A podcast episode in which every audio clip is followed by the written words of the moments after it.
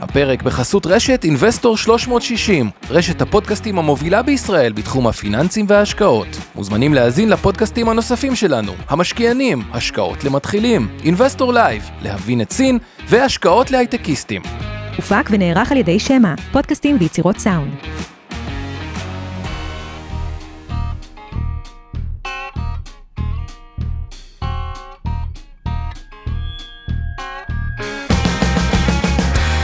המשקיענים אבנר סטפאק ועומר רבינוביץ' בשיחה חופשית על התחומים החמים ביותר בעולם ההשקעות.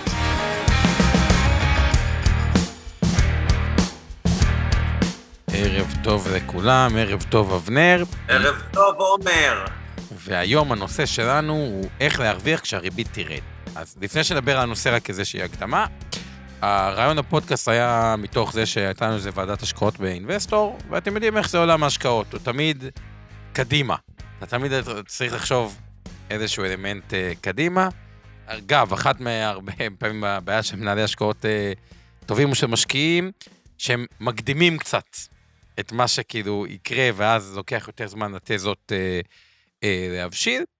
אבל הייתה, אוקיי, בואו רגע נניח שהריבית תרד.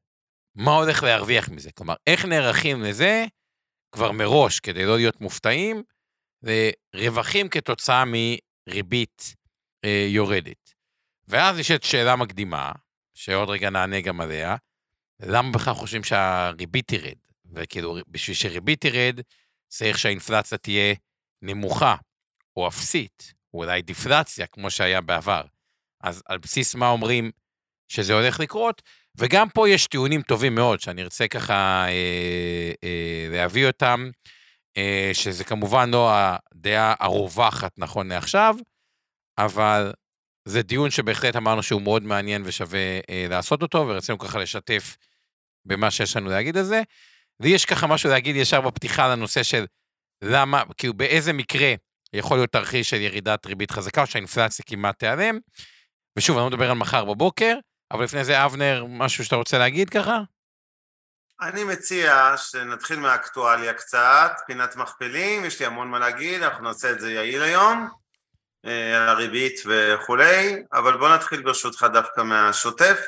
יאללה, אז בואו נתחיל מהשוטף לפני פינת המכפילים, קצת אקטואליה, פינת מכפילים, ואז נדבר על למה, או באיזה תרחיש הריבית, האינפלציה תיעלם והריבית תרד.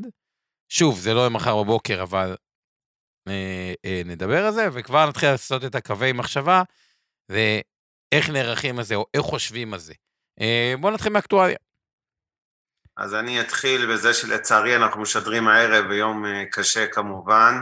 מי ששומע אותנו בלייב יודע שאנחנו שעות אחרי פיגוע נוראי בעלי, עם ארבעה נרצחים. זה לא אירוע, כמו כל אירוע מצער כזה, זה לא דברים שמשפיעים על הכלכלה. אה, או על שוק ההון, אלא אם הם מתפתחים ממש למשהו ענק, מבצעים גדולים, אה, אבל עדיין אה, יום עצוב, ומקווה שלפחות הפצועים יישארו רק פצועים וגם יחלימו מזה מהר, ותנחומים למשפחות כמו שאומרים, זה באמת יום קשה, אני חיכיתי לראות את השמות כי אני גם מכיר אנשים מאלי, ו... לא שזה משנה שזה לא, אף אחד לא רוצה לגלות שזה חברים שלו, אבל uh, יום קשה בקיצור. Uh, ומכאן uh, נעבור קצת לאקטואליה יותר פיננסית, או לא רק פיננסית, אז קודם כל חדשות טובות גדולות היו לנו השבוע בישראל, וזה אינטל עם ההשקעה הענקית שלהם, uh, של 90 מיליארד שקל. הייתי אומר אפילו, מוסיף את המילה מפתיעה, אה, לאו דווקא בגלל התקופה וכל הדברים האלה בישראל, אלא בוא נגיד, זה אמנם משהו שהתבשל הרבה מאוד זמן, אבל אה, לא היה נראה שיגיע בזמן הקרוב, וזה קרה וזה מצוין לכלכלה הישראלית. אה, מה שעוד קורה זה כמובן ששוק המניות הצטרף לדולר בלהיות ברומטר יומיומי לכל ה... כן רפורמה, לא רפורמה, כן הפיכה, לא הפיכה. אגב, מ- לא מילה חושב... לגבי אינטל, שזה דווקא נקודה כן. מעניינת, שאני חושב ששווה להתעכב עליה דקה. אותי זה כן. פחות כן. הפתיע, ואני באופן כללי, אני יותר אופטימי, נקרא לזה, מאבנר על כל מה שקורה בישראל, והסיבה היא כוחה של אינרציה. מה הכוונה? שאתם חברה שכבר מושקעת בישראל, או שיש לה בסיס ישראל, וזה לא משנה עכשיו אם זה גוגל, פייסבוק, אינווידיה או אינטל, הרבה יותר יקר לקחת וכאילו הרבה יותר זול להרחיב משהו קיים עובד, במקום שהוא כבר עובד, מאשר להתחיל משהו חדש. אז נכון שחוסר בהירות או דברים, או יש את כל הנושא של הסטארט-אפים החדשים, שהם, אה, אם פעם זה היה 80-20, הרוב קמו בישראל והמיעוט בחו"ל, והאקזיטים העתידיים אולי יהיו קצת פחות בישראל וכו', עדיין יש פה מסה מאוד מאוד קריטית של חברות שהן כבר בישראל, שה-IP בישראל, שעוד יכולות טיפה להתרחב, ואינטל זה דוגמה לזה שהיא כבר פה, היא יותר זולה להרחיב מאשר לבחור מקום אה, אחר. אפשר להתווכח על זה, אבל בואו נמשיך כאילו... אפשר להתווכח כי יש להם עוד מקומות כמו אירלנד ואחרים שהם פועלים בהם, זה לא שזו הייתה האופציה היחידה, זה עדיין זו בחירה אה, אה, יפה וטובה. ומצד שני, אני מסכים איתך שאני כן יותר פסימי ממך, אבל אני כן אגיד שמלאי החברות שפעילות בישראל, ואתה מדבר על כוח האנרציה, הוא לא בלתי מוגבל. בוא, יש לנו אינטל, אינווידיה, לא, לא 200 חברות, ולכן אנחנו עדיין צריכים את ההשקעות הנוספות נכון. למשק הישראלי מחו"ל, ושם הגזרה נראית, למעט הסיפור של אינטל, הגזרה נראית הרבה פחות אופטימית כשמסתכלים על תעשיית ההייטק בכללותה, מבחינת גיוסי הון. נכון, רק אל תשכח, אבנר, שהבעיה הכי קשה היא אם אין השקעות סיד, שזה מה שמאפשר את ההנבטה של החברות החדשות. אבל, ונוצר משהו, ואתה דוגמה טובה לזה, נוצ... נוצרה שכבה מספיק עמידה, נקרא לזה, במדינת ישראל, שהם גם יזמים באופי, שאת מה שפעם היה קרנות סיד שהם מימנו חברות, יש כמות לא כזו נמוכה של אנג'לים, שלמעשה הם סוג של קרנות סיד, שאם יש רעיון טוב, כמו שאתה השתכנעת, אני לא זוכר את הסטארט-אפ הזה שמכרת לוולמארט, שאתה היית... זיקית. זיקית, שאתה היית משקיע, התלהבת מה... נקרא לזה מההנהלה, מהיזמת, מה... מהרעיון, ובעצם נכון. אתה מילאת את הפונקציה של קרן סיד, שיכולה להשקיע כאילו במקומך. עכשיו, נכון. הדבר הזה כבר נוצרה מסה קריטית של אנשים בארץ, שיש להם את היכולת לה, להנביט ממקורותיה, נקרא לזה, העצמיים, ולאו דווקא מכל הכסף האמריקאי, שהוא תמיד היה זה שהשקיע פה בסיד. אז לכל דבר יש גם את הצד השני, אבל בוא תמשיך, אני לא רוצה שזה יהיה עיקר הדיון. קודם כל אני אתייחס רק לדברים שעלו אה, בצ'אט, אז קודם כל קרן סיד, הכוונה ל-VC, כן, לקרן הון סיכון. בשלב הסיד, או בעברית, שלבים המוקדמים, יש לנו פרסיד וסיד, זה שלבי ההקמה של החברה או השנה הראשונה של החברה. בדרך כלל בשלבים האלה אין, אין הרבה קרנות הון סיכון שמשקיעות, זה יותר Friends and Family מה שנקרא, של היזם, או כל מיני אינג'לים וכולי. אני קצת חלוק עליך פה עומר, אני רק אגיד שא', מתוך כמאה ומשהו חברות שמקימים פה כל חודש סטארט-אפים, אם 70 ומשהו נרשמות בחו"ל, אז קשה לקרוא לזה השקעה בחברה ישראלית, שבסוף המס... נכון, המס ילך, נכון, המס לא ילך לישראל, זה חבל. פרט שולי, כן, אז אתה יודע, אני יכול להשקיע גם בחברה בהודו, זה בסדר. הדבר השני זה שכשאתה אה, משלב את המשבר הגלובלי של תעשיית ההייטק עם המשבר המקומי, במיוחד שלנו, אז זה יותר מפחיד גם להשקיע בסיד, כי אתה שרוצה להרגיש שיש סיכוי גבוה שיבואו אחריך המשקיעים של הסבבים הבאים של גיוסי ההון של אותן חברות, כי הסיד מגייסים מיליון, שני מיליון דולר, אחרי זה החברה הזאת תצטרך שבעה או עשרה או עשרות מיליוני דולרים, ואז אתה שואל את עצמך, רגע, יגיעו המשקיעים האלה? אז שוב... נכון, אגב, לא לעשות גם פה סדר, פעם, מה שהיה מקובל לפני תקופת הבועה ב-2021, באת עם מצגת עם רעיון טוב, כקונספט, כגס, ואבנר דייק אותי, אבל זה המספרים שאני מכיר, אתה מביא, הרעיון, המצגת, שווה חמישה מיליון דולר. כלומר, מביאים בערך מיליון דולר בשביל 25% אה, מהחברה, משהו כזה, כמובן שיש שינוי בין חברה אה, לחברה. בתקופת הבועה, לפעמים על אותה מצגת, גם שילמו אה, הרבה יותר. אז כשאבנר אומר בסיד, שהיה צריך מיליון דולר או שני מיליון דולר, שזה מה שמזניק את החברה, הסיבוב הבא הוא כבר כסף הרבה יותר אה, גדול. כלומר, כל אחד בסיבוב הבא מצפה לפי שתיים על הכסף. זאת אומרת שהם השקיעו לפי שווי חמישה מיליון, הסיבוב הבא כבר יצטרך להיות איפשהו בין 10 ל-15 מיליון, הסיבוב הבא יצטרך להיות כבר בין יותר גבוה מזה, וזה כן, כבר כן, כספים ברור. יותר גדולים. אוקיי, אבל רגע לפני שנעבור לפינת המכפלים, יש פה הרבה שיח בצ'אט, אני רוצה טיפה להתייחס. צריך להזכיר שגם ברגעים אלה נסגרו הקלפיות לפני עשר דקות בבחירות ללשכת עורכי הדין, אה, שמעולם לא התעסקו בה כל כך הרבה לא עורכי דין, יותר מאשר עורכי דין לדעתי. אה, יהיה מעניין לראות איך זה נגמר, אני מניח שנדע במהלך הלילה או הבוקר, מן הסתם זה גם קשור לכל אווירת ה... כל מה שקורה מסביב בקיצור. אני כן רגע אגיד ברצינות כמה דברים. אין ספק שההשקעה של אינטל היא הצבעת אמון משמעותית למשק הישראלי. אה, אופיר לוי, לטעמי זה לא מעמיד את טענות המחאה לגבי זה שכאילו יהיו פחות השקעות או לא יגיעו השקעות. אף אחד לא חשב שזה ירד לאפס. ובוא נגיד בכנות, זה גם השקעה חריגה. בכל קנה מידה, גם בשנה טובה זה השקעה חריגה, בטח בשנה גרועה. היא לא מייצגת. זה שיש כרגע ירידה חדה בהשקעות בסטארט-אפים ובהון יש, סיכון יש ירידה בישראל, בחברה ממש זה נתון.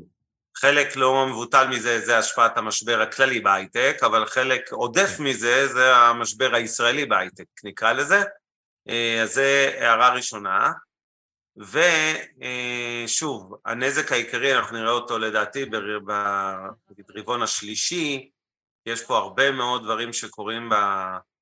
אה, כן, מתקנים אותנו, זה לא השקעה, זה עוד אופציה להשקעה, ברור, זה זה בסדר, זה, זה פרויקטים מהסוג הזה, עד שהם באמת באמת קורים, ולא סתם הם לא התייחסו לזה, אה, אה, לוקח זמן. אה, אני אדלג על ההערות הפוליטיות, תסלח לי, דניאל, על זה, אבל בכל מקרה, ברצינות רגע, אנחנו כרגע בעיצומה של האטה, אנחנו בפגיעה קשה יחסית בהייטק, ויש לקוות שכל האירועים האלה יקופלו בקרוב לאיזשהם הסכמות ויהיו מאחורינו, נכון. ובזה סיימנו את פרק הפוליטיקה הערב.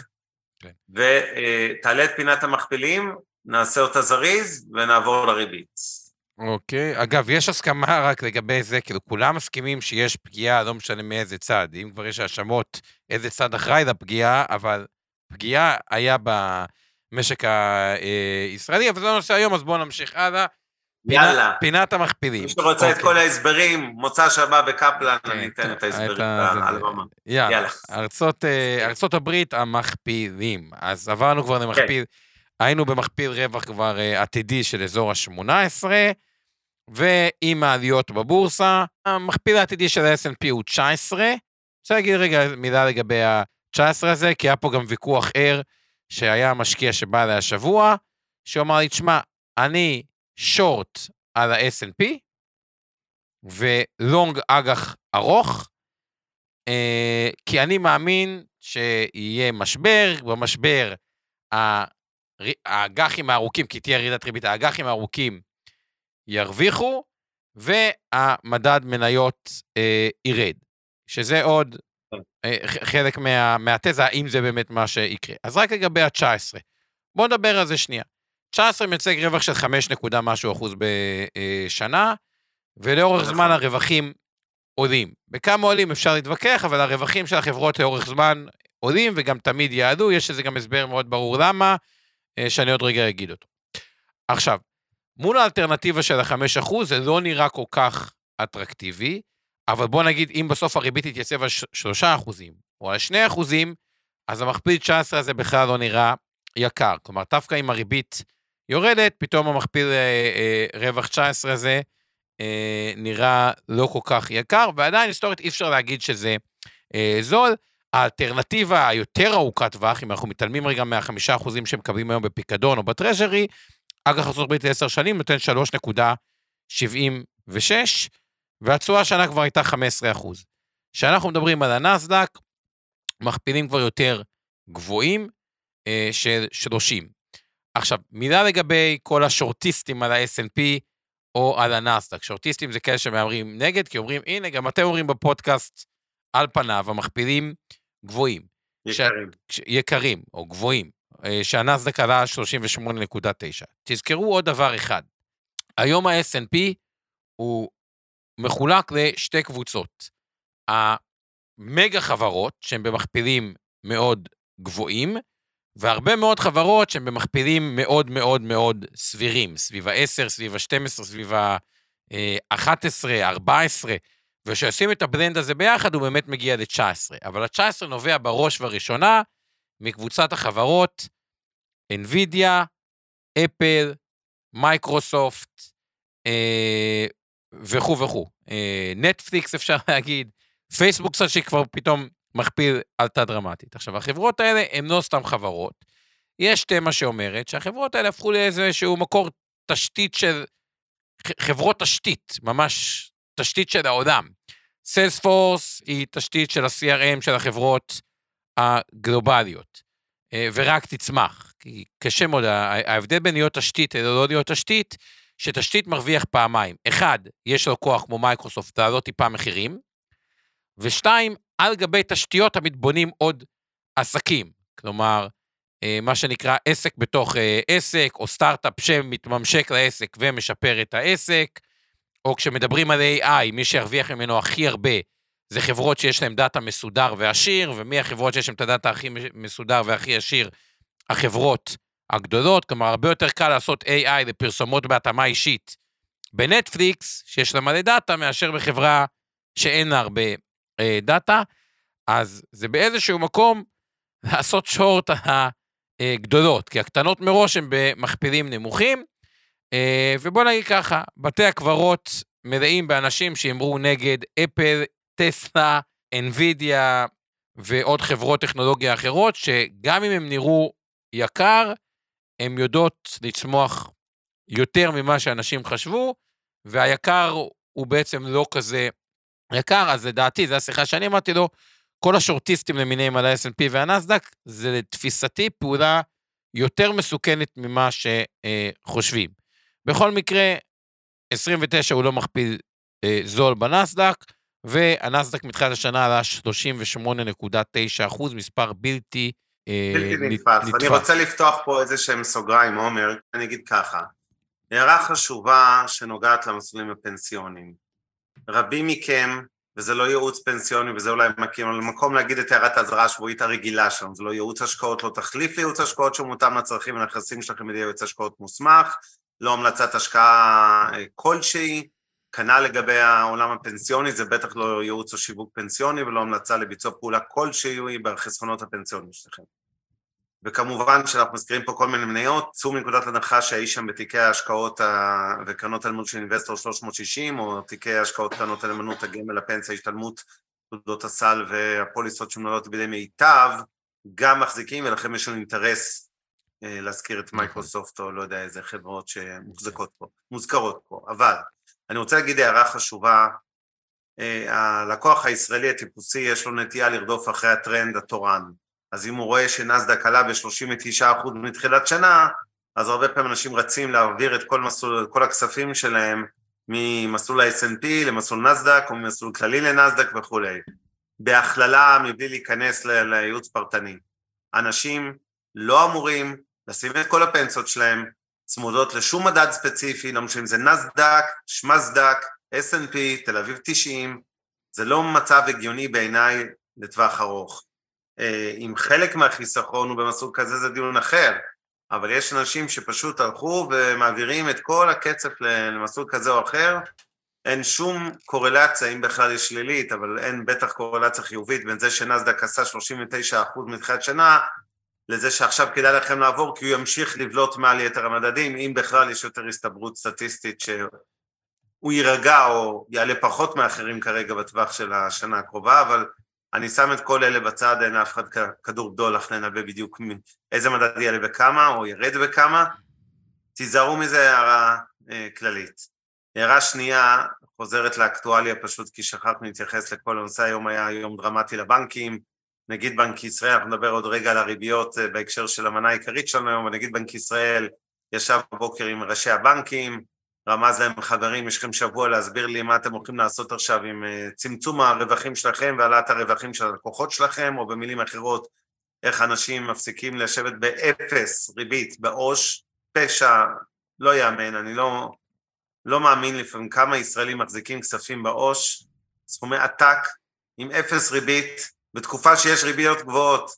אז אני לא נכנס לפתרונות של קרנות כספיות ופקדונות, יש אלף ואחד פתרונות. קודם כל, אין לכם מה לעשות בעו"ש מעבר לניהול השוטף לא, הקצר. זה הפתרונות. אמרת אותם בגוף השאלה. קרנות כספיות, ועוד לפעמים אבנר לא מרגיש בנוח להגיד את זה, כי מיטב עם שחקן אולי הכי גדול בארץ בקרנות כספיות, אבל עזבו, קרנות כספיות ופקדונות. אגב, בדרך כלל בשקלים, עדיף הקרנות הכספיות, כי 25% ריאלי זה פחות מ-15% נומינלי. כלומר, עם הפיקדון... אתה מדבר צינית שה-25% ריאלי, נכון, זה כי, המס כי, על בדיוק, כי בעוד קרן כספית אמורה להניב כחמישה אחוזים, שזה פחות או יותר רצועת מגע 4.75, 5 אחוז, ריאלית היא לא מרוויחה כסף כי זה האינפלציה, אז זה בעצם פיקדון באפס, בניגוד לבנק ששם משלמים 15 אחוז. אז אפשר להתווכח על זה, אבל בגדול, לא משנה. לא משנה, כן. זה או זה, העיקר שתעשו משהו מזה. טוב, חזרה למכפילים אני אגיד ככה. ארה"ב ללא ספק בולטת פה בטבלה כמו שאפשר לראות, ומי שלא רואה ורק שומע אז נזכיר. נסדק מכפיל 30, S&P 19, הראסל באמצע ביניהם 25, אירופה, אה, גרמניה, אנגליה מכפילי 10-11, צרפת 13, סין ב-10, יפן, שגם אה, אה, נתנה תשואה בולטת השנה, כמעט 30 אחוז מתחילת שנה, עדיין המכפיל שלה נראה נורמלי, 14 וחצי, נכון. והודו טיפה יותר גבוה 21. בהכללה, ארה"ב קצת גבוהה מדי לטעמי, לא, זה לא משק...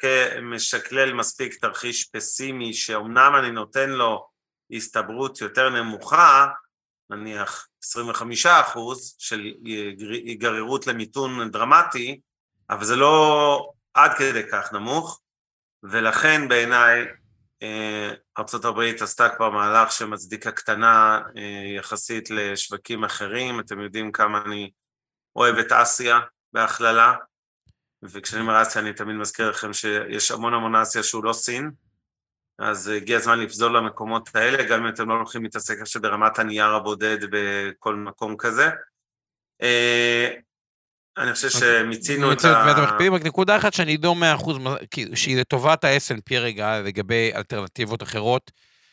דווקא כן בהקשר הפנסיוני, ארצות הברית, ה- פשוט ההשקעה הספציפית של אפיקים פנסיונים, או בגלל זה חלק מהם מושקעים כבר ב-S&P, ואני אסביר אולי עם כסף פרטי למה לא להשקיע יותר מדי ב-S&P, אבל הפנסיות בעולם, בטח הישראלית, בהגדרה תהיה לה הטיית יתר ל-S&P.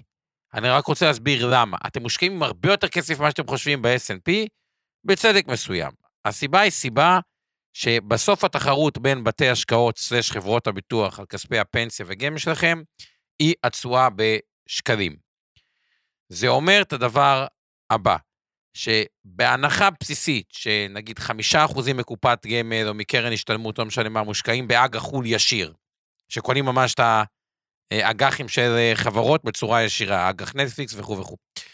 ועוד 15% עם הזמן יגיעו להשקעות אלטרנטיביות במטח. השקעות אלטרנטיביות זה יכול להיות עסקאות נדל"ן, חברות פרטיות, דרך קרנות או בצורה ישירה, תשתיות, תחנות רוח, אנרגיה סולארית וכו' וכו' וכו'.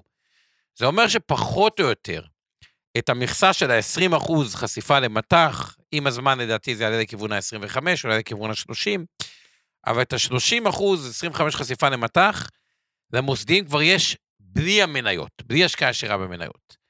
ואז למוסדי יש שתי אפשרויות לעשות, או לקנות חשיפה ל-S&P דרך חוזה עתידי, שזה אומר שהוא לא צריך לגדר, הוא מקבל רק את החשיפה לש... כשאתה- כשנחשפים דרך חוזה עתידי, אתם בעצם נחשפים ל-S&P, אבל כל הכסף יושב אצל המוסדי עדיין בשקלים, שיכול להשקיע אותם במקם, באג"ח מדינה, לא משנה מה, ואין לו צורך בגידור, או לקנות מניות ספציפיות, אבל אז יש לו צורך בגידור שעולה אחוז וחצי. זה אומר שהמוסדי הממוצע, הוא לא צריך לעשות את תשואת ה-S&P כדי להכות את ה-S&P, הוא צריך לעשות את תשואת ה-S&P ועוד העלות גידור, או חלק מהעלות גידור, ולכן מראש, כשאנחנו רואים את המכפיל של ה-S&P, תכירו, אני לא אומר טוב, אני לא אומר רע, אפשר להתווכח, זה גם לא נושא הפודקאסט הזה.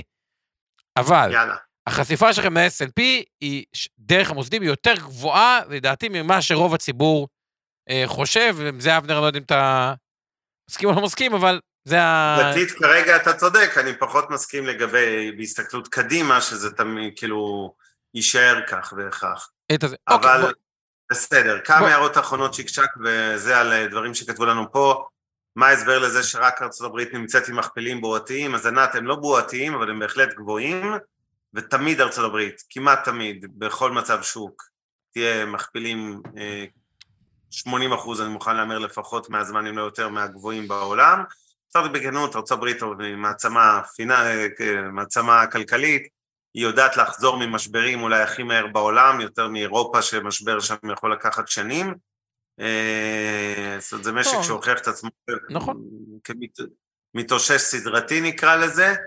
אה, ולגבי הראסל 2000, מה ששאלת שתמיד המכפילים שהם יותר גבוהים, קודם כל זה לא נכון שתמיד המכפילים שהם יותר גבוהים מ-S&P 500, אבל אה, אני לא רואה לזה כזאת חשיבות, כי בסופו של דבר, צריך לזכור, הראסל הוא המדד כרגע הכי חלש, הוא עדיין עשה תשואה טובה, נדמה לי 7-8 אחוז מתחילת שנה, אבל עדיין הרבה פחות מ-39 אחוז נסדק ו-S&P 16, כך שחלק מהפערים נפתחו, כי אם המניות לא עלו משמעותית, אוקיי?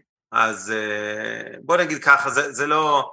שוב, זה, זה מצב נקודתי, לא צריך יותר נגיד. נכון, גם עוד דבר, המשק האמריקאי, צריך לזכור, החברות האמריקאיות זה החברות בעלות הסיכויים הטובים ביותר, להפך להיות חברות גלובליות, גם בגלל האנגלית, גם בגלל מה שנקרא האקו-סיסטם, כלומר, קשה לייצר עוד אפל שהיא לא אמריקאית, קשה לייצר עוד סיילספורס שהיא לא אמריקאית, כי צריך מראש את החברות שהן יהיו של ה-S&P, ואז זה זולג עוד. וגם חלק יותר גדול מהחברות האמריקאיות הן גם אמריקאיות, אבל הן גם מוכרות גלובלית. כלומר, יש אוסף של חברות שהן בהגדרה מצדיקות מכפילים קצת יותר גבוהים, והרבה מהן פשוט רשומות בתוך הבורסה האמריקאית, ולא בתוך מקומות אחרים.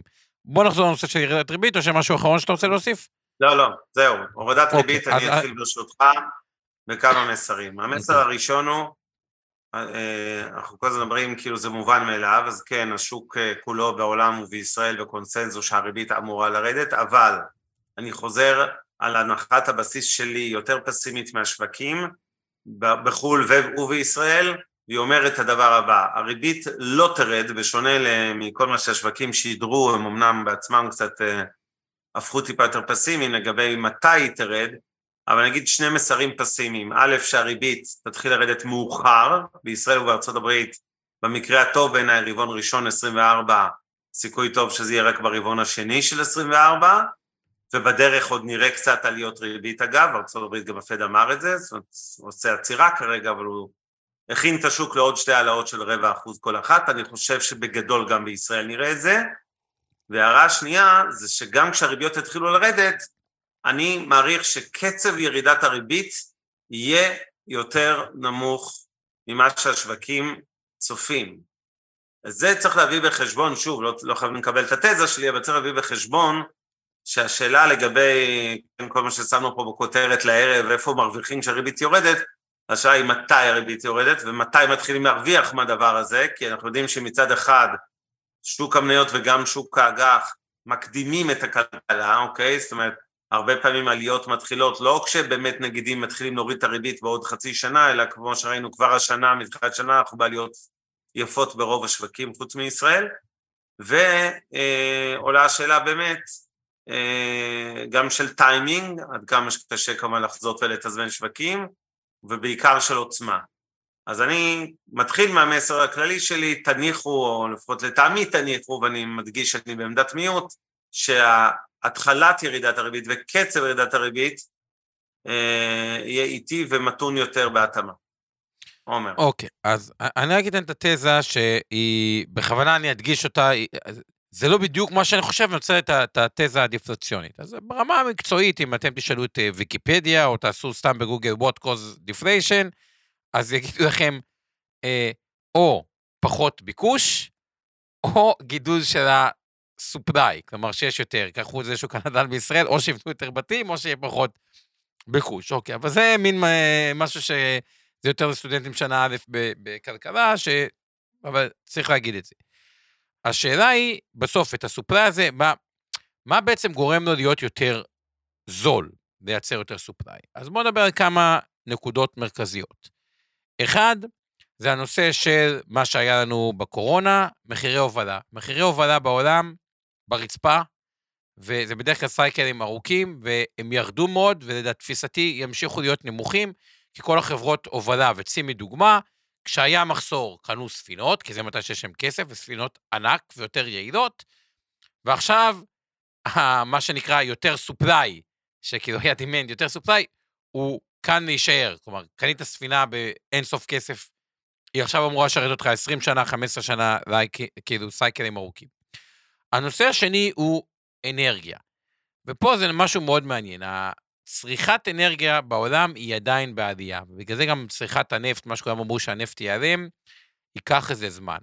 אממה, לאט לאט וככל שעובר uh, הזמן, הנושא של האנרגיות, עזבו רגע גרעינית, שזה ויכוח אחר, אבל רוח uh, ואנרגיה סולארית והשיפורים בהגירה, יובילו באיזשהו רגע, שה... לתפיסתי, שהקוסט של החשמל יהיה במגמת ירידה תמידית. אני לא יודע אם זה יקרה עוד חמש שנים, או עוד עשר שנים, או עוד 12, אבל יבוא הפיק הזה, שיהיה מה שנקרא שדרוג כל כך מהותי. אם, אם פעם אנרגיה סולארית הייתה מאוד מאוד יקרה, כבר הורידו אותה ממש למיקום הרבה יותר סביר. יבוא הרגע הזה, שזה לא רק יתפוס את כל הדימ... כאילו, שהסופליי החדש יעלה על ה demand, אלא הוא יתחיל לנגוס ולנגוס ולנגוס, ואז נשאלת השאלה, מה קורה לאינפלציה כשיש מחירי אנרגיה יורדים באופן... consistent-י. לאורך זמן, שהיא שאלה מאוד מעניינת. הדבר השלישי, זה הנושא של, אה, נקרא לו AI, שלדעתי זה עוד לא ייקח עוד זמן שזה יתפוס, אבל לפני AI. הדבר השלישי זה הנושא של production אה, יעיל. וטסלה היא דוגמה טובה, כי אם חברות הרכב תמיד עלו, עבדו על מכפילים, אה, על שולי רווח נמוכים, פתאום רואים שמגיעה חברת רכב, שלאט לאט, אגב, זה בדיוק כמו הנקודה שמה שאמרתי על הנפט, שיבוא הקטע שהאנרגיות, החשמל הסולארי נקרא לו, אה, או האנרגיה הסולארית, אה, אה, פלוס אנרגיית הרוח, היא מספיק, היא, היא פשוט יותר זולה. אותו דבר, אם אוטו חשמלי היה הרבה יותר יקר פעם מאוטו רגיל, ככל שמשפרים את תהליכי הייצור שלו, אז רואים את זה בטסלה, היא מצליחה להעמיד רכב שהוא במחיר די דומה לרכב הרגיל, לאט לאט, רק יש לה שולי רווח הרבה יותר גבוהים. אה, וזו דוגמה יפה, כי פשוט זה אומר שייצור חכם או ייצור, או, או שיפור בתהליכי ייצור, הוא בגדול גם תהליך מאוד דיפלציוני לאורך זמן. הדבר הרביעי, שהוא יכול להיות, ככל שזה אה, יתקדם, גם משהו מאוד דיפלציוני, זה נושא שהרבה אה, דברים שהיום כוח אדם עושה, יעשו בצורה יותר אה, יעילה על ידי מה שנקרא אה, עזרה מ-AI, אה, או בכלל טכנולוגיות. עשינו פה, אתה רואה מזמן מזמן את הפודקאסט על ורביט כדוגמה, אני לא נכנס אם זו השקעה טובה או לא טובה, גם בחברה בורסאית, אבל שהם עושים תמלול לטובת כל מיני סגמנטים, נגיד בית משפט, בצורה הרבה יותר מהירה, זולה, אה, יעילה. אותו דבר, לרשום חוזה, מה שהיה פעם, אם עיקר החוזה או הדברים, AI ידע לייצר את ה-80% ממנו, וזה רק שיפורים ושיפורים או שדרוגים על גבי זה, זה גם משהו שהוא מאוד דיפלציוני. עכשיו, אני לא יודע אם זה ייכנס לעולם של שירות לקוחות, אה, אבל אני, תסכים איתי, אבנר, נגיד, אצלכם השירות לקוחות, אה, או במאוחדת ראיתי, וואלה, מתכתבים איתך כבר בוו... בוואטסאפ, או במולטי, או, או בכל מיני דברים שהטכנולוגיה מייעדת, משפרת, או יותר, אה, גורמת לזה להיות יותר זול. לא יכולת לשרת מיליון פלוס לקוחות אם לא היה טכנולוגיה שנכנסת. עכשיו, כל הדברים האלה של טכנולוגיה, זה דברים מאוד מאוד מאוד דיפטציוניים. אז למה אנחנו פתאום רואים את הגל של האינפלציה הזאת שהייתה? האינפלציה בדרך כלל קורית כשיש אה, שוקים. והיה לנו שוק בכל הדברים ביחד. גם מחירי הובלה, גם מחסור רגעי בעובדים אה, אחרי הקורונה, אבל השוקים האלה מייצרים עוד שני דברים שצריך לזכור אותם, וזה לתרחיש הדיפלציוני. אחד, הבסיס של כל הדברים היום הוא יותר יקר. כלומר, once בן אדם העלה את ה... לא יודע, הספר עלה נגיד מ-60 שקל ל-70 שקל, או מ-70 שקל ל-100 שקל, יותר, יותר קשה לו לעלות מ-100 שקל ל-110 שקלים. וב', הרבה מהדברים של השוק הזה נפתרו, וכשעומדים על בסיס יותר יקר, זה גם מתי שמתחילים להתעסק בכל הנושא של productivity-ות, כי פתאום אתה אומר, כוח אדם יותר יקר לי, אני צריך יותר productivity. ואז, כתוצאה מכל הדברים האלה, אנרגיה, תובלה, כניסת טכנולוגיות AI לתוך תחומים של כל מיני חברות וכו', יכול להיווצר מצב שהאינפלציה אה, תדעך או תדעך בצורה משמעותית, אבל לא משמעותית רגעית, אלא באופן די פרמננטי. כלומר, ש- ש- שנחזור לתוך עוד פעם עשור של אינפלציה אה, נמוכה. זה התזה האנטי-אינפלציונית. אתה רוצה להגיד לגבי זה משהו, או שנעבור למה, עוד רגע מה מרוויח ומה מפסיד? כן, כאן יש לי כמה דברים להוסיף. קודם כל, בגדול אני מסכים איתך שהתזה האנטי-אינפלציונית הזאת, זה הכיוון שלדעתי העולם גם הולך אליו בהסתברות גבוהה יותר, כלומר, באמת שמחלת האינפלציה היא מאחורינו, למה בכל זאת אני לא רואה את הריבית יורדת כל כך מהר? כי אני מזכיר, הריבית היא כלי שמשמש שתי מטרות. אחד, לאושש משקים ממיתון לצמיחה, או לתדלק צמיחה, והשני זה לכבות, זה מטף כיבוי האסטרטגי לאינפלציה. האינפלציה זו מחלה, אני תמיד אומר לכם את זה, האינפלציה זו מחלה שמדאיגה נדיגי, נגידי בנקים מרכזיים הרבה יותר מאשר המיתון.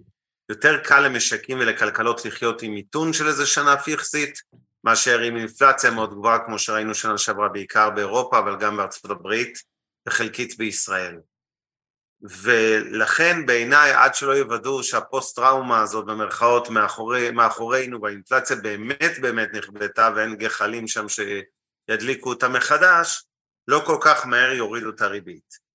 אבל מפה אני רוצה לעבור בעצם השאלה המרכזית בעיניי לגבי תהליך ירידת הריבית, שכאמור אני צופה אותו יותר עמוק לשנת 24, היא לא רק אם הריבית תרד ובאיזה מהירות ובאיזו עוצמה, אלא על איזה רקע, מאיזו סיבה היא תרד. יש כאן שני תרחישים. תרחיש אחד, זה בדיוק מה שעומר הסביר עכשיו, זה נקרא לזה התרחיש האנטי-אינפלציוני, שאומר, זה התרחיש הבריא בעיניי, אוקיי? שאומר, החזרנו את השד של האינפלציה לבקבוק, אפשר עכשיו להירגע ולהוריד ריביות בכל העולם, זה תרחיש האופטימי. התרחיש הפסימי יותר, שגם בו נראה ירידת ריבית, אבל הרקע יהיה יותר בעייתי, וזה גם מקרין על השאלה המרכזית שלנו לערב לגבי הרווחים שלכם בתרחיש כזה, זה תרחיש של מיתון חמור. לתרחיש של מיתון בעייתי כזה, אני כאמור נותן הסתברות של נגיד 25 אחוזים, בטח לא בארצות הברית, בטח בארצות הברית הכוונה שם נראה ש... לא, לא, לא נראה שהמשק האמריקאי גולש לאיזשהו מיתון עמוק, אבל עדיין זה לא אפס סיכוי. בישראל יש לנו רקע מיוחד משלנו, קשה לדעת, גם פה אני לא חושב שהולכים למיתון עמוק, אבל אני גם לא מוציא את זה, בוא נגיד ישראל הייתה במקום יותר ודאי בעיניי בהקשר הזה של מיתון לפני כמה חודשים, ואירופה בלי קשר של הבעיות שלה היא מראש במצב פחות טוב גם מארצות הברית וגם מישראל. אבל אם ניקח את התרחיש הפסימי, כלומר שהורדת הריבית בכל העולם מגיעה על רקע של מיתון ולא ממקום בריא של דיכאנו את האינפלציה ובואו נחזור לשגרה, זה גם אומר, מה זה מיתון? זה ירידה ברווחיות של הפירמות, נכון? אז אנחנו נראה דוחות כספיים פחות טובים, אמנם תהיה הקלה בהוצאות המימון, נגיד קבלנים, בנייה למגורים וכולי, שהיום סובלים מאוד מעלויות מימון יקרות, סביר להניח שכשהריבית תרד אז אנחנו נראה גם ירידה מסוימת בהוצאות האלה, אבל עדיין בנטו, במצב של מיתון, גם אם יש שיפור בהוצאות מימון, בנטו נטו נטו החברות ירוויחו פחות כסף, כי זה המשמעות. לגבי הבנקים שמאוד נהנו מעליית הריביות, ראינו את זה בישראל והגדילו את המרווחים, לא לפחד ממניות הבנקים, זה, לא, זה קצת אסימטרי, כלומר ברור שתרחיש ירידת ריבית הוא פחות טוב להם מעליית ריבית, אבל זה לא סימטרי, כלומר זה לא שאתם תראו אותם חוזרים לרמת הרווחיות של נגיד שהריבית תרד חזרה, סתם דוגמה, ב-2-3 אחוז, לא תפגשו את הבנקים מרוויחים רק את מה שהם הרוויחו כשהיא הייתה בסיבוב הקודם, 2-3 אחוז, הם ירוויחו יותר, גם אחרי המפגש הבוקר עם הנגיד, אבל בגדול, צריך גם לזכור, יש להם נוסטורים גדולים שמושקעים, הבנקים משקיעים המון באגרות חוב ארוכות, תכף נגיע להשלכות של הורדת הריבית, אבל אחד המקומות באופן טבעי שזה מייצר זה רווחי הון בשוק אגרות החוב, בעיקר בארוכות, וזה יקזז לבנקים חלק מהפגיעה העסקית, נקרא לזה, של ירידת ריבית. אבל בהכללה אני אגיד שככל שירידת הריבית היא על רקע התרחיש הבריא, קרי האנטי-אינפלציוני, מה שעומר דיבר עליו, אז זה בהחלט מזמין עליות שערים, המשך עליות שערים בשוק המניות, ועוד יותר מזה עליות שערים באגרות חוב ארוכות, גם של ממשלות וגם של אג"ח קונצרנים, מה שנקרא של חברות. וזה התרחיש בעיניי המרכזי אגב.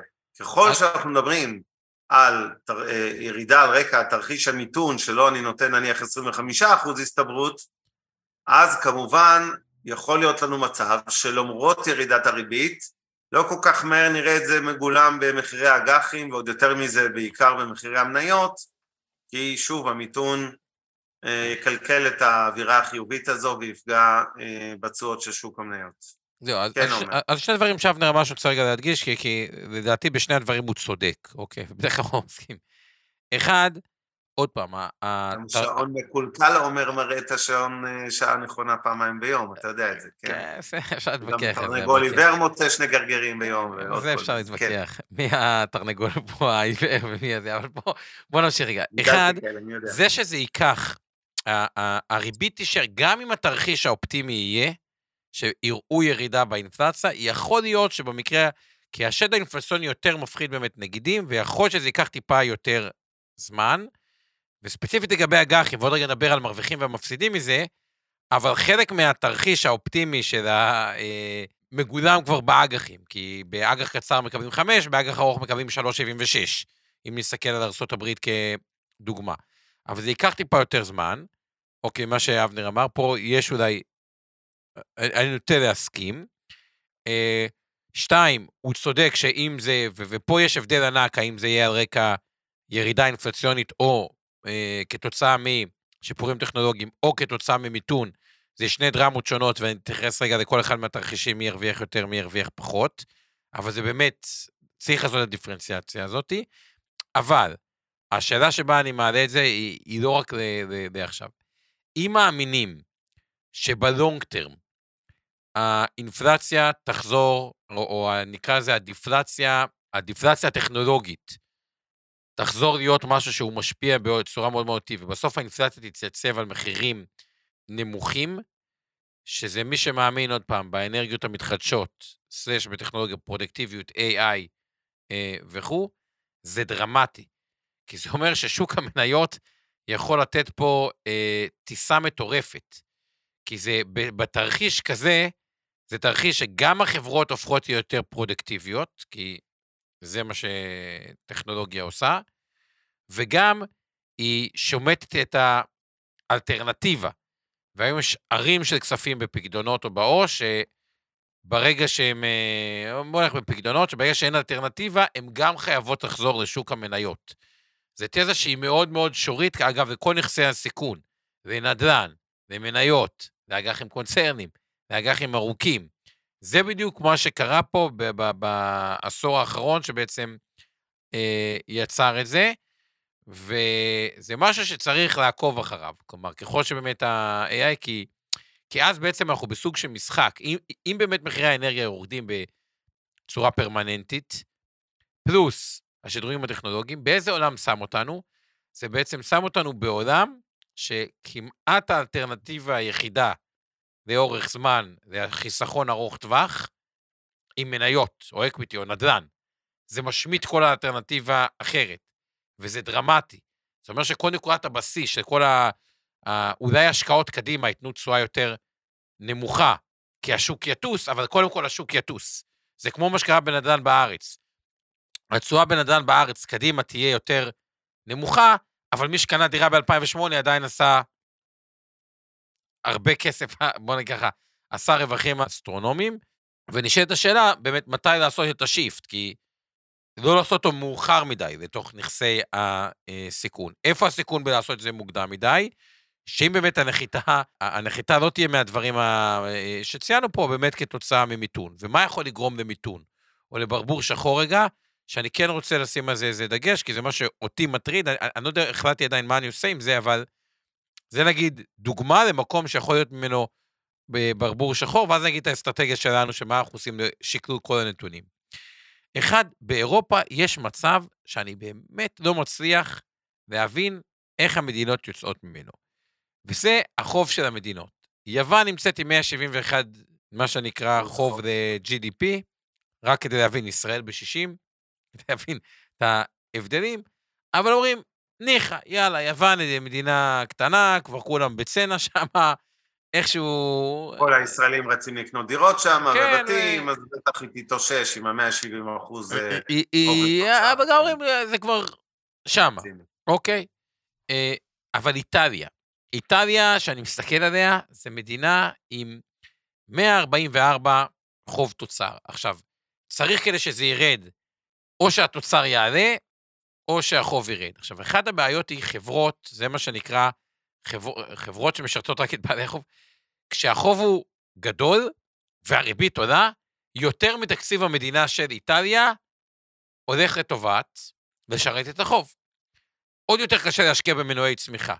עכשיו יגידו, טוב, אין בעיה, אבל יש שם אה, בעיה של פרו ורבו מילאו את הארץ, כמו בארץ, אז זה לא בדיוק ככה באיטליה, גם הדמוגרפיה שם לא מאוד אה, איכותית, ושמדינה באופן כללי נמצאת נגיד באיחוד האירופאי, וחלק גדול יותר הולך להשקיע בלשרת את החוב ופחות הולך לאזרח, אז גם הצעירים גם יכולים להיות עם דמוגרפיה שלילית, נקרא לזה, הצעירים עצמם יכולים לעבור למדינות שיותר טוב לחיות בהן, וזה מין לופ שאין שם הייטק או אין שם משהו, אני, אני לא מצליח להבין איך הוא נפתר. עכשיו, כשמדינה כמו איטליה פושטת רגל, או יש בה בעיה, אני לא יודע איזה גלי עדף אה, זה עושה. וזה מדינה כמו איטליה, זה לא כמו אה, גריס, האיחוד האירופי, יאללה, נעזור לה קצת, והמדינות האחרות, הן גם במצב אה, אה, מדהים, צרפת, שהיא כלכלה גדולה, גם 111 יחס חוב תוצר, ואני מזכיר, יחס חוב תוצר נורמלי צריך להיות מתחת ל-70, בישראל הוא 60, שזה מצב מצוין, ותוסיפו לזה עוד כמה דברים שאין במדינת ישראל כ- כדוגמה, זה לא שיש שם מערכת בהכרח פנסיונית מאוד טובה או דברים כאלה, זה אומר שחלק מההוצאות הן הוצאות קבועות שאי אפשר לקצץ בהן, כמו בריאות, כמו פנסיות, כמו דברים כאלה, וזה עוד כל מיני סיכונים שיכולים לעשות ברבור שחור. אה, וגם נחיתה יותר אה, קשה שישפיע על ה... זה עכשיו אומרים, אוקיי, מה אכפת לי מההוצאות של אה, מדינת איטליה? כשמדינה אין לה כסף, היא, היא קודם כל יש חברות שיכולות, שסיפקו לסחורה ומגיע להם כסף ולא יקבלו אותו, כל מה שנקרא B2C, B2 government, חברות שמתעסקות בנשקים, או בכלל בדברים ל-government, הם ייפגעו ככל שמצב החברות האלה, וזה הבאתי כדוגמה לברבור שחור, שבאירופה יש שם איזושהי בעיה מבנית שאני לא רואה אותה נפתרת כל כך אה, בקלות, וכשזה יתפוצץ זה יכול להיראות לא טוב. אוקיי, בואו נתכלל את כל הדבר הזה בתכלס, לדעתי. אחד, פקדונות נותן את מה שנותן. בתרחיש של נחיתה רכה, היום, או מניות של ריטים או נדל"ן, בדגש על נדל"ן אה, מניב, איכותי, שהיום ניתן לקנות אותו בין בריטי ובין בעסקאות בשוק הלא שכיר, בתשואות של 6 אחוז, 6.5 אחוז, זה משהו נכון. שאמור לתת תשואה מאוד מאוד מאוד גבוהה, כי השילוב בין שכירות עולה וריבית יורדת הוא שילוב מאוד מאוד אה, עוצמתי. אג"חים ארוכים זה כמו נדל"ן, כי זה ארוך, אוקיי? הבעיה שחלק מזה מתומחר מדי. אם היום נדל"ן ארוך, single family house בארצות הברית, או multi family, אפשר לקנות בקרוב ל-6% תשואה, אג"ח ארצות הברית ארוך נותן 3.76, אז כבר חלק מזה מתוך העלייה שם מתומחרת. אז אני יותר אוהב לפעמים את האסטרטגיה של לקחת אה, נדל"ן איכותי ארוך, בין אם דרך מניות של נדל"ן, פלוס הפקדונות, פחות בהכרח את האג"ח הארוך, זה איזשהו אה, קונספט אחד. ובכלל, לנסות להיות לדעתי במח"מ סינתטי. מה הכוונה מח"מ סינתטי? כי זה איזה מונח אה, מפוצץ. כשאתם לוקחים, נגיד אתם רוצים לקנות אג"ח לחמש שנים, או פיקדון לחמש שנים, אה, יש שתי דרכים לעשות את זה. או לקחת פיקדון לשנה ופיקדון לעשר שנים, ובממוצע אתם נמצאים בחמש שנים, או לקחת רק פיקדון לחמש שנים. נכסים שהכי אמורים לעלות מירידת ריבית בתרחיש של נחיתה רכה, זה מניות ונדל"ן איכותי, נקרא לו, אה, אה, שהמתמטיקה בו עובדת, עם תשואת שכירות אה, נאותה. ובגלל זה יכול להיות שבמקום לקחת באג"ח את המח"מ הבינוני, שכבר חלקו מתומחר כי הוא מתמחר איזושהי ירידת ריבית, יכול להיות שעדיף ללכת לאסטרטגיה שחלק מהחוב הוא יותר קצר, כדי ליהנות מהתשואה העודפת שהחוב הקצר אה, נותן, וחלק יותר גדול לנכסי, אה, נקרא להם אה, סיכון, כמו מניות וכמו נדל"ן ארוך. מה לא יפעל טוב באסטרטגיה הזאתי? דווקא אם התרחיש יהיה הנחיתה הרכה, ששם נכסי סיכון לא עובדים טוב, אה, וגם אין את הרווח הון הפוטנציאלי שכביכול היה נוצר מהאג"ח מדינה. כלומר, זה התרחיש, תרחיש של נחיתה רכה, זה האסטרטגיה לדעתי המנצחת. אבנר, לנחיתה הרכה, מה האסטרטגיה המנצחת לדעתך, ואז נעבור לנחיתה הקשה. כן, מאחר ואנחנו לא יודעים, אני פחות מפרידיל בין הנחיתה הרכה לקשה, פשוט מהסיבה שאני לא חושב ש... זה לא כל כך משנה, זה משנה בתוצאה, זה לא משנה במבחן של השאלה מה לעשות מחר בבוקר עם ההשקעות שלי. אני פשוט כאמור נותן 75% לתרחיש של נחיתה רכה ו-25% לנחיתה קשה בהכללה, ולכן אני פועל יותר מוטה לנחיתה רכה, וזה אומר בהחלט, תכף נדבר על טיימינג, למרות שכאמור הוא אה, עסק חמקמק, אה, אבל אני אגיד ככה, מניות, ההבדל העיקרי ביני לבינך, עומר, זה שאני כן רואה היגיון בלהגדיל מח"מ באגרות חוב ממשלתיות וקונצרניות, עוד לא, אבל בהחלט לקראת סוף שנה אה, כשקצת נהיה יותר קרובים להורדת ריבית, לא ממש שזה קורה חודש לפני וכבר הכל מגולם בשווקים, אני חושב שבהדרגה צריך בחודשים, רבעונים הקרובים להעלות את המח"מ, את משך חיים, כלומר להשקיע באגרות חוב יותר ארוכות, גם קונצרני, גם ממשלתי.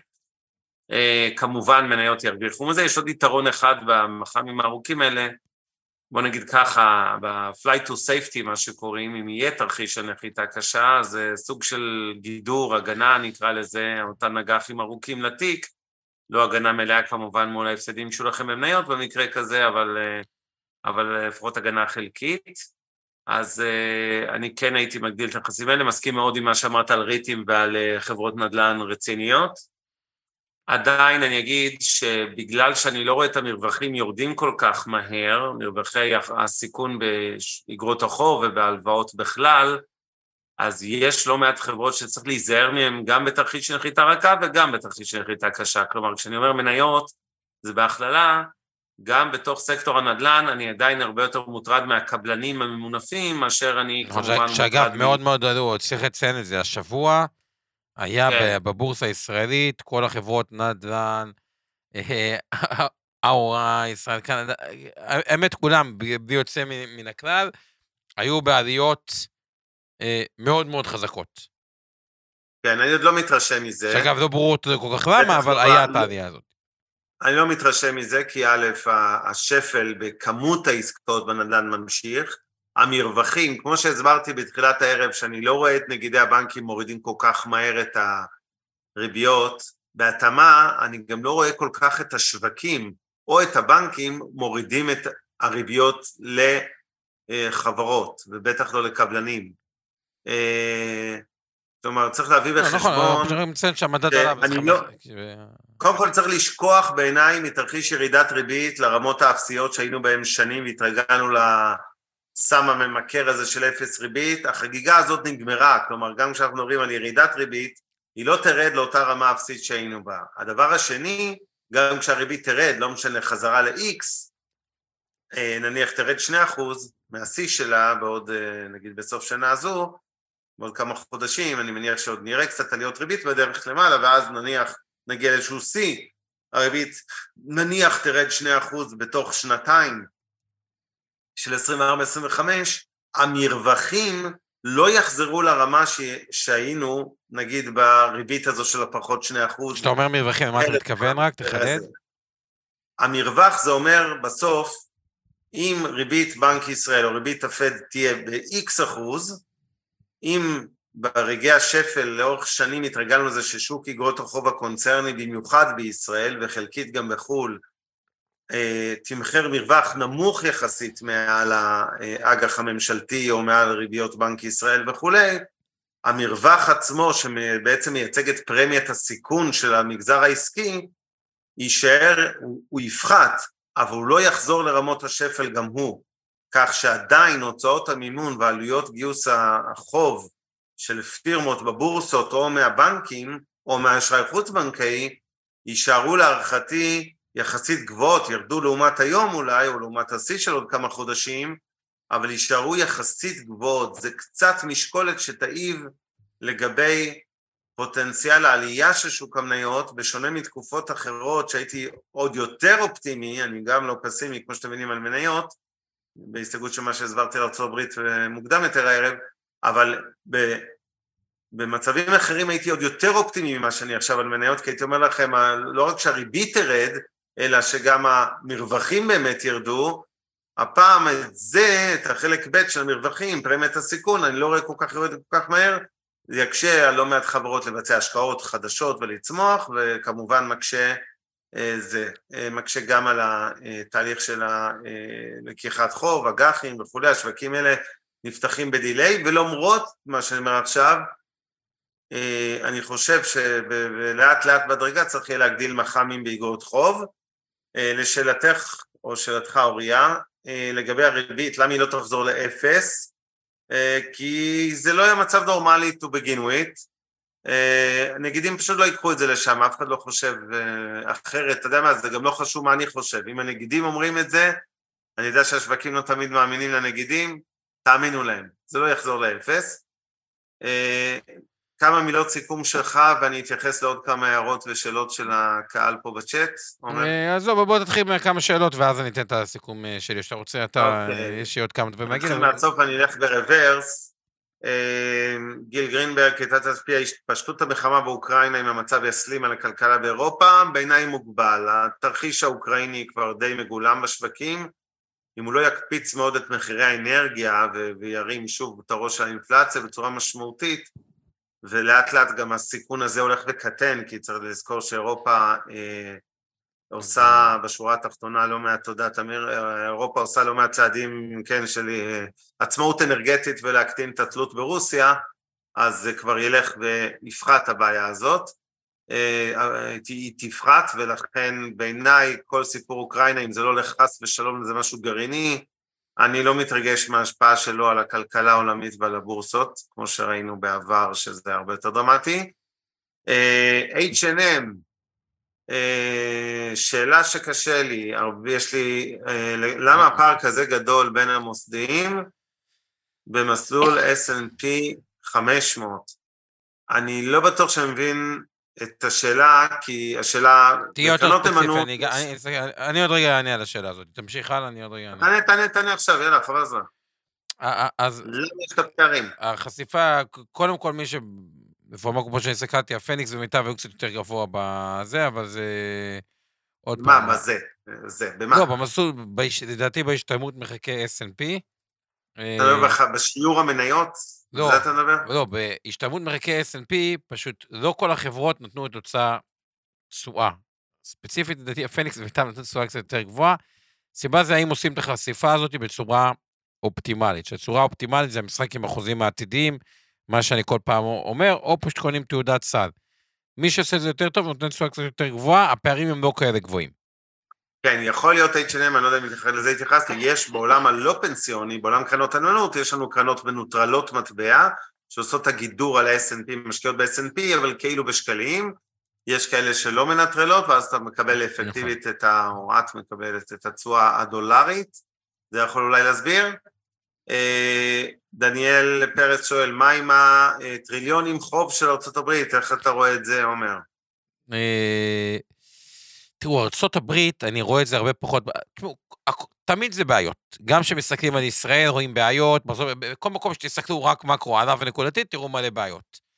אני פשוט חושב שהבעיות הברית, בהקשר החוב, יותר פתירות מהבעיות של אירופה, כי שם בסוף אמריקאים שולטים בשלטר של הדפסת הכסף, ובאירופה איטליה לא שולטת בזה, היא לא יכולה להחליט, אני רוצה להדפיס כסף, היא תלויה בגרמנים, היא תלויה ביוונים, היא תלויה בצרפתים, וידוע הרי שהיוונים, הגרמנים, הצרפתים והאיטלקים אחים הם ואוהבים אחד את השני מאוד, ורק מחכים אחד לעזור לשני. זה הרי ידוע, כמובן, כן. אה, עם חצי חיוך למי שזה. בוא נמשיך.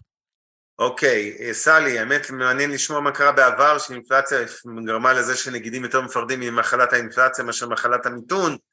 אז אה, קודם כל, מיתון יש לנו, מיתון או האטה, לא דווקא מיתון שזה כבר אה, ממש צמיחה שלילית, גם האטה משמעותית היא, היא רעה, זה משהו שמבחינת התדירות שלו בכלכלה העולמית קורה הרבה יותר. הוא לא ארוך, זה יכול להיות רבעון או שניים לפעמים, זה יכול להיות שנה, אבל גלים של התפרצות אינפלציונית הם יותר, אה, אני אקרא לזה, הם, הם פחות, זה פחות מופע חוזר ממיתון, זה בעיה סיפור אחד. ב', אם צריך להזכיר, אני מבין מהשאלה הזאת שאת צריכה להיות בחורה צעירה, כי אה, גל האינפלציה של שנות ה-80, שזה ה...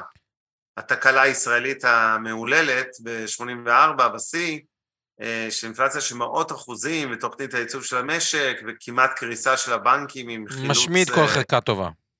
כן, בדיוק. אז אני חושב שבישראל ספציפית, הסיפור הזה של אינפלציה בשנות ה-80 היא זו שטבעה את ה... נקרא לזה זהירות הקיצונית. לא, גם, תחשבי על זה וכדומה.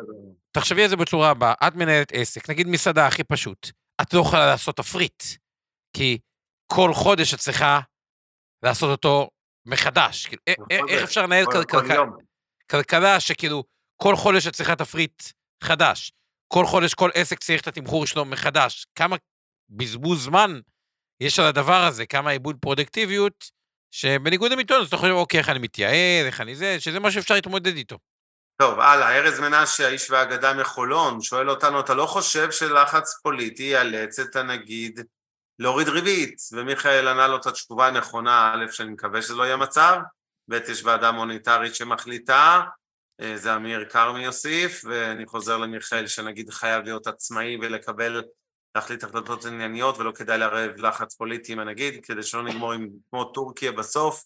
פחות או יותר הוצאת לי את המילים מהפה, מיכאל, וכל אותם פוליטיקאים, דרג, לא רוצה להגיד איזה אות, אבל נגיד השביעית, שמתבטאים נגד נגיד בנק ישראל ביממות האחרונות, אה, באמת, פשוט בושה וחרפה, אין לי מילה אחרת להגיד את זה, ולא מבינים איזה נזק זה גורם בעולם, שמתחילים לפחד כאן חלילה עד היום, בוא נגיד, נגיד בנק ישראל אה, לדורותיהם היו עצמאים מאוד, עם השפעה אפסית של פוליטיקאים, אני די משוכנע שזה גם יקרה אם הנגיד הבא יהיה אשר יהיה, שיחליף את אה, פרופסור אמיר ירון המצוין, אבל אה, אף פעם לא לקחת את זה, אף פעם לא לקחת את זה כמובן מאליו. כן, אבל הריבית זה רעיון. תודה- תודה לכם. חמש, הריבית חמש. האינפלציה תהיה שלוש, הריבית יכולה להיות שלוש. אוקיי, האינפלציה, אה, כאילו, גם תלוי בעצמך, היא אמורה לייצר בגדול ריבית ריאלית חיובית או קרובה לחיובית. לא, בוא נמשיך. כן, ענת לשאלתך, זה בסדר שהממשלה תמנה נגיד, כמו שהם רוצים, זה לא דומה לשופטים ולאחראי לסטטיסטיקה. הנגיד, העצמאות שלו, גם אם הוא ממונה על ידי ממשלה, זה קצת כמו רמטכ"ל או מפכ"ל, הוא עצמאי. זאת אומרת, בהגדרה המשפטית וביום שאחרי, הוא לא צריך לספור, אמ, הוא לא סופר את הפוליטיקאים לטוב ולרע, לא משנה הם לא יהיו, אה, אלא אה, הוא מקבל את ההחלטות לא לבד, כאמור יש ועדה מוניטרית וכולי, אבל אה, זה דווקא לא אזור שצריך לפחד מה שממי ימונה, זה לא עובד בשיטה שיש כאלה שמפחדים. למה צריך נגיד אם אנחנו לא שולטים בו? כותבת לנו מ' רגב פה בזה. אני צוחק, זה הערה של דני. הלאה. אה, לגבי הנושא, הייתה פה שאלה של ענת, אה, לא של ענת, אה, של אמיר, לאליך בעיקר. אתה אמרת בעבר, הוא מצטט אותך לגבי מניות בישראל, שעדיף מניות בישראל, עדיף מניות ולא מדדים. אז איזה סוגי מניות היית מחפש לקראת ירידת הריבית, חוץ מריטים ונדל"ן מצוין שכבר אמרת? אני אגיד לך... ובמה היית מתמקד? מחפש איזה, לפי איזה פרמטר? כאילו, מכפילים, שווי שוק, על מה היית אני אגיד לכם את כשאתה בא הבעיה הישראלית. אני אקח לכם את הבנקים כדוגמה הכי פשוטה בעולם, אוקיי? קחו את המוסדיים, הם לא יכולים לקנות מעל אחוז מסוים מהבית בבנקים. אז בוא נגיד ש... אה, לא משנה, גוף גדול כלשהו, אחד מהעשרה הגדולים, מחזיק במניית הבינלאומי, והוא חושב שהיא יקרה מדי. אם הוא ימכור אותה, כבר לא בטוח שהוא יוכל לקנות אותה אחרי זה, כי הוא יגיע לרף המקסימלי שלו. או אה, שמה שמותר לו להחזיק מתוך אחוז מהקופה. ואז כל ההיעדר שכירות הזה, כל הזה, הוא מייצר עיוותים. כאילו, מישהו קונה ביקושים איכותיים, ותמיד יש משהו שבאופן יחסי, זה, זה, זה מה ששנים אנחנו עושים. תמיד יש משהו שבאופן יחסי נראה זול מובהק מדי, שאין בו היגיון. עכשיו, זה, זה, זה לפעמים משתנה, זה יכול להיות שפעם באותו מדד משהו, אבל, אבל יש פה שוק שאני לא יודע להסביר את זה, שנים אני רואה, יש פה חברות כאילו באותו סקטור, שאי אפשר להבין, כאילו, להבין את ההפרשי מכפילים, וזה נובע או מכניסה דרך אה, תעודות סל, היעדר סחירות, הטיה של דרך מוסדי, והעיוות הזה, למי שיודע לשחק עליו נכון, אני חושב שיכול לעשות תשואה עודפת, ב-S&P אין את זה. הוא הרבה יותר משוכלל, כן. הרבה יותר אנליזה, הרבה יותר סחיר, ובכלל, כל שוק שהוא פחות סחיר, יש בו עיוותים הרבה יותר גדולים. זה אומר שמי שמשקיע ב private equity, נגיד בחברות פרטיות, אחד יעשה מדהים ויעשה תשואה של 50% בשנה ממוצעת, ואחד יעשה בכלל תשואה שלילית. למה? הוא שוק יותר גדול, פחות שכיר. זה, ה... זה החוק, וישראל עונה, דוגמה, אני יותר אוהב לעבוד ישיר בישראל, הרבה עיוותים מהרבה סיבות. אוקיי.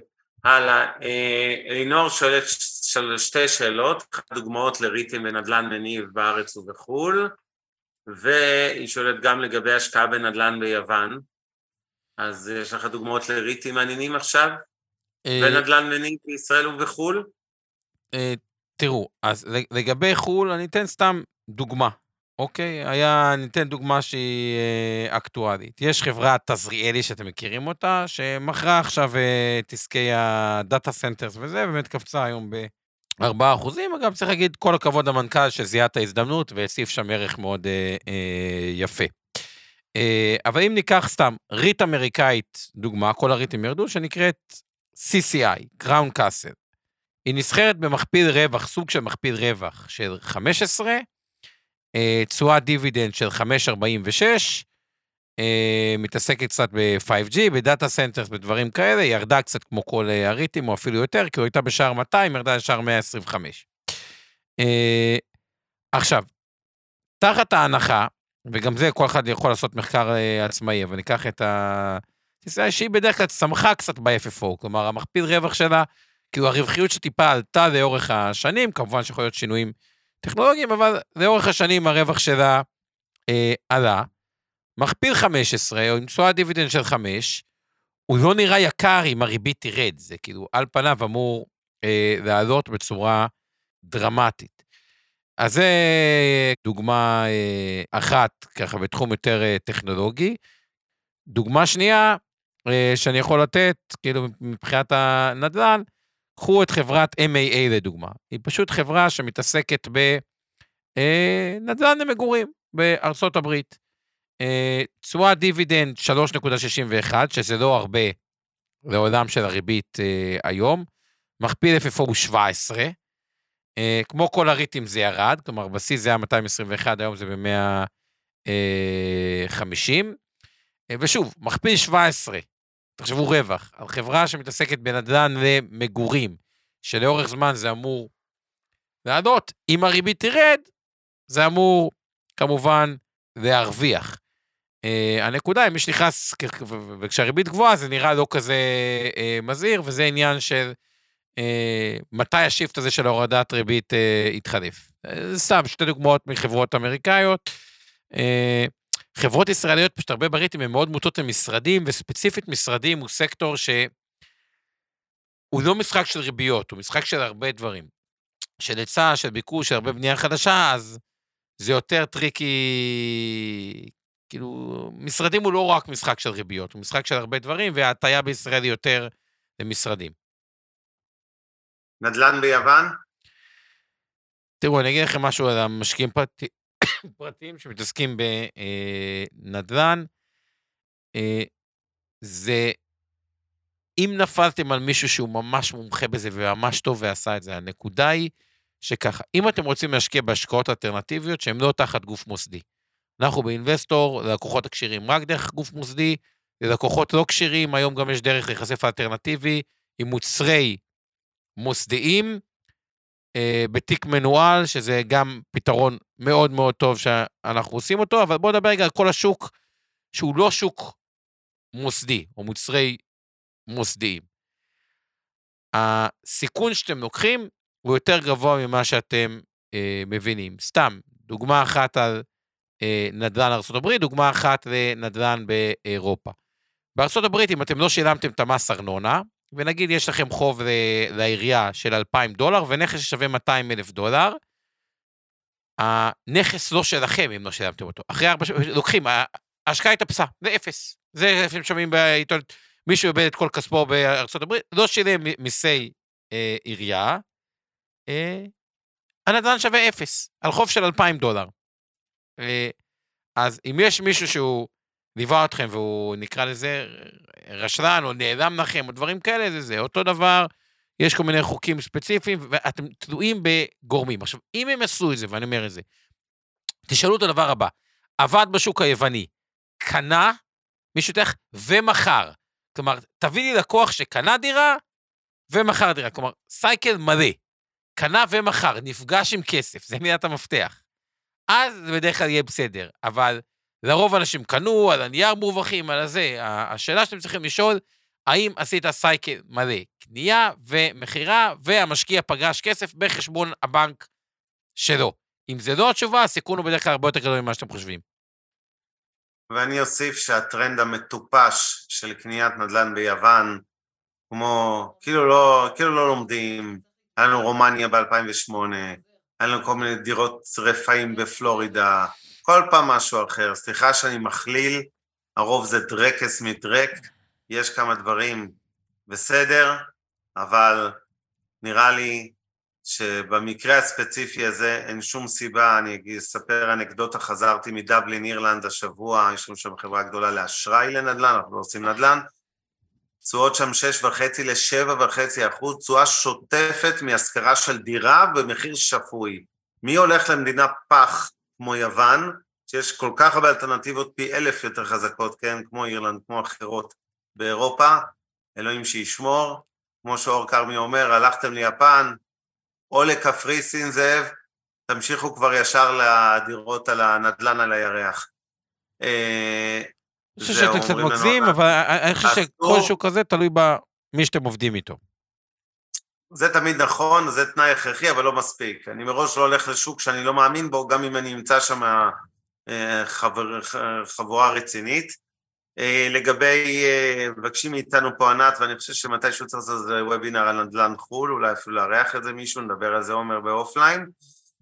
לגבי להיזהר מחברות לא איכותיות בנדל"ן, אני אסביר. זה א', ממונפות, ב', קבלניות. זה לא קשור לניהול בעייתי, אתה נותן פה דוגמאות, אלא פשוט חברות קבלניות תלויות במהירות המחזור, בווליום, כמות העסקאות של רכישות ומכירות דירות, וכרגע זה נראה בעייתי, ואני לא רואה את זה משתנה בזמן הקרוב, בלי קשר עוד לעליית ירידת מחירי הדירות עצמם, נדבר קודם כל על זה שנתקעים עם מלאים, שלא קל להיפטר מהם בתקופה שבה אנשים פשוט לא קונים דירות או קונים הרבה פחות מבעבר. וזה מה שמטריד אותי בעיקר. שתיים, זה המינופים. הממונפות עוד יותר יסבלו מריביות עדיין גבוהות, גם בעידן שהריביות ירדו, עדיין הם ישלמו ריביות גבוהות. לגבי תרחיש פלישה, סין, טיוואן, זה סוג של גיל, זה סוג של עוד ברבור שחור פוטנציאלי, אין ספק שהוא הרבה יותר דרמטי מאוקראינה אם זה יקרה. אה, משה, הדרך הנכונה להגדיל חשיפה לאג"ח מח"מ ארוך וחיסכון ארוך טווח, אין ברירה אלא לחטט קצת רגליים ולהסתכל על המסלולים אתם נמצאים ולבדוק ולהשוות מה המח"מ הממוצע של אגרות החוב.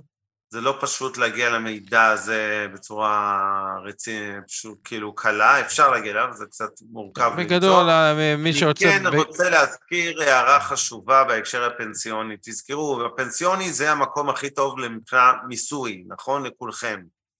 אה, בגלל הפטורים ממס, ולכן כמה שיותר מהרכיב המנייתי שלכם בתיקים אמור להיות דווקא שם, ויותר באזורים הלא פנסיוניים אמורים להיות המרכיבים הסולידיים. שוב, זו הכללה כללית, כמובן שאדם שנמצא כבר בפנסיה ואין לו איזה חסכונות ענק, כנראה לא ירשה לעצמו להחזיק את כל הכסף במניות, אבל ככל שאתם מחזיקים כסף שאתם מנהלים לעצמכם, בין אם זה ב-IRA בגמל ובין אם זה באיזה טרייד או בבנק או לא משנה איפה, שם הדרך להיחשף היא פשוטה, זה או לקנות תעודות סל של מח"מ ארוך, או קרנות נאמנות שמתמחות במח"מ ארוך, זה קל נורא, או לחילופין, המתוחכמים יותר יכולים לקנות לבדם ישירות אגרות חוב ספציפיות ארוכות, לבנות נכון. תיק לעצמכם עם כמה אה, אגרות חוב אה, כאלה.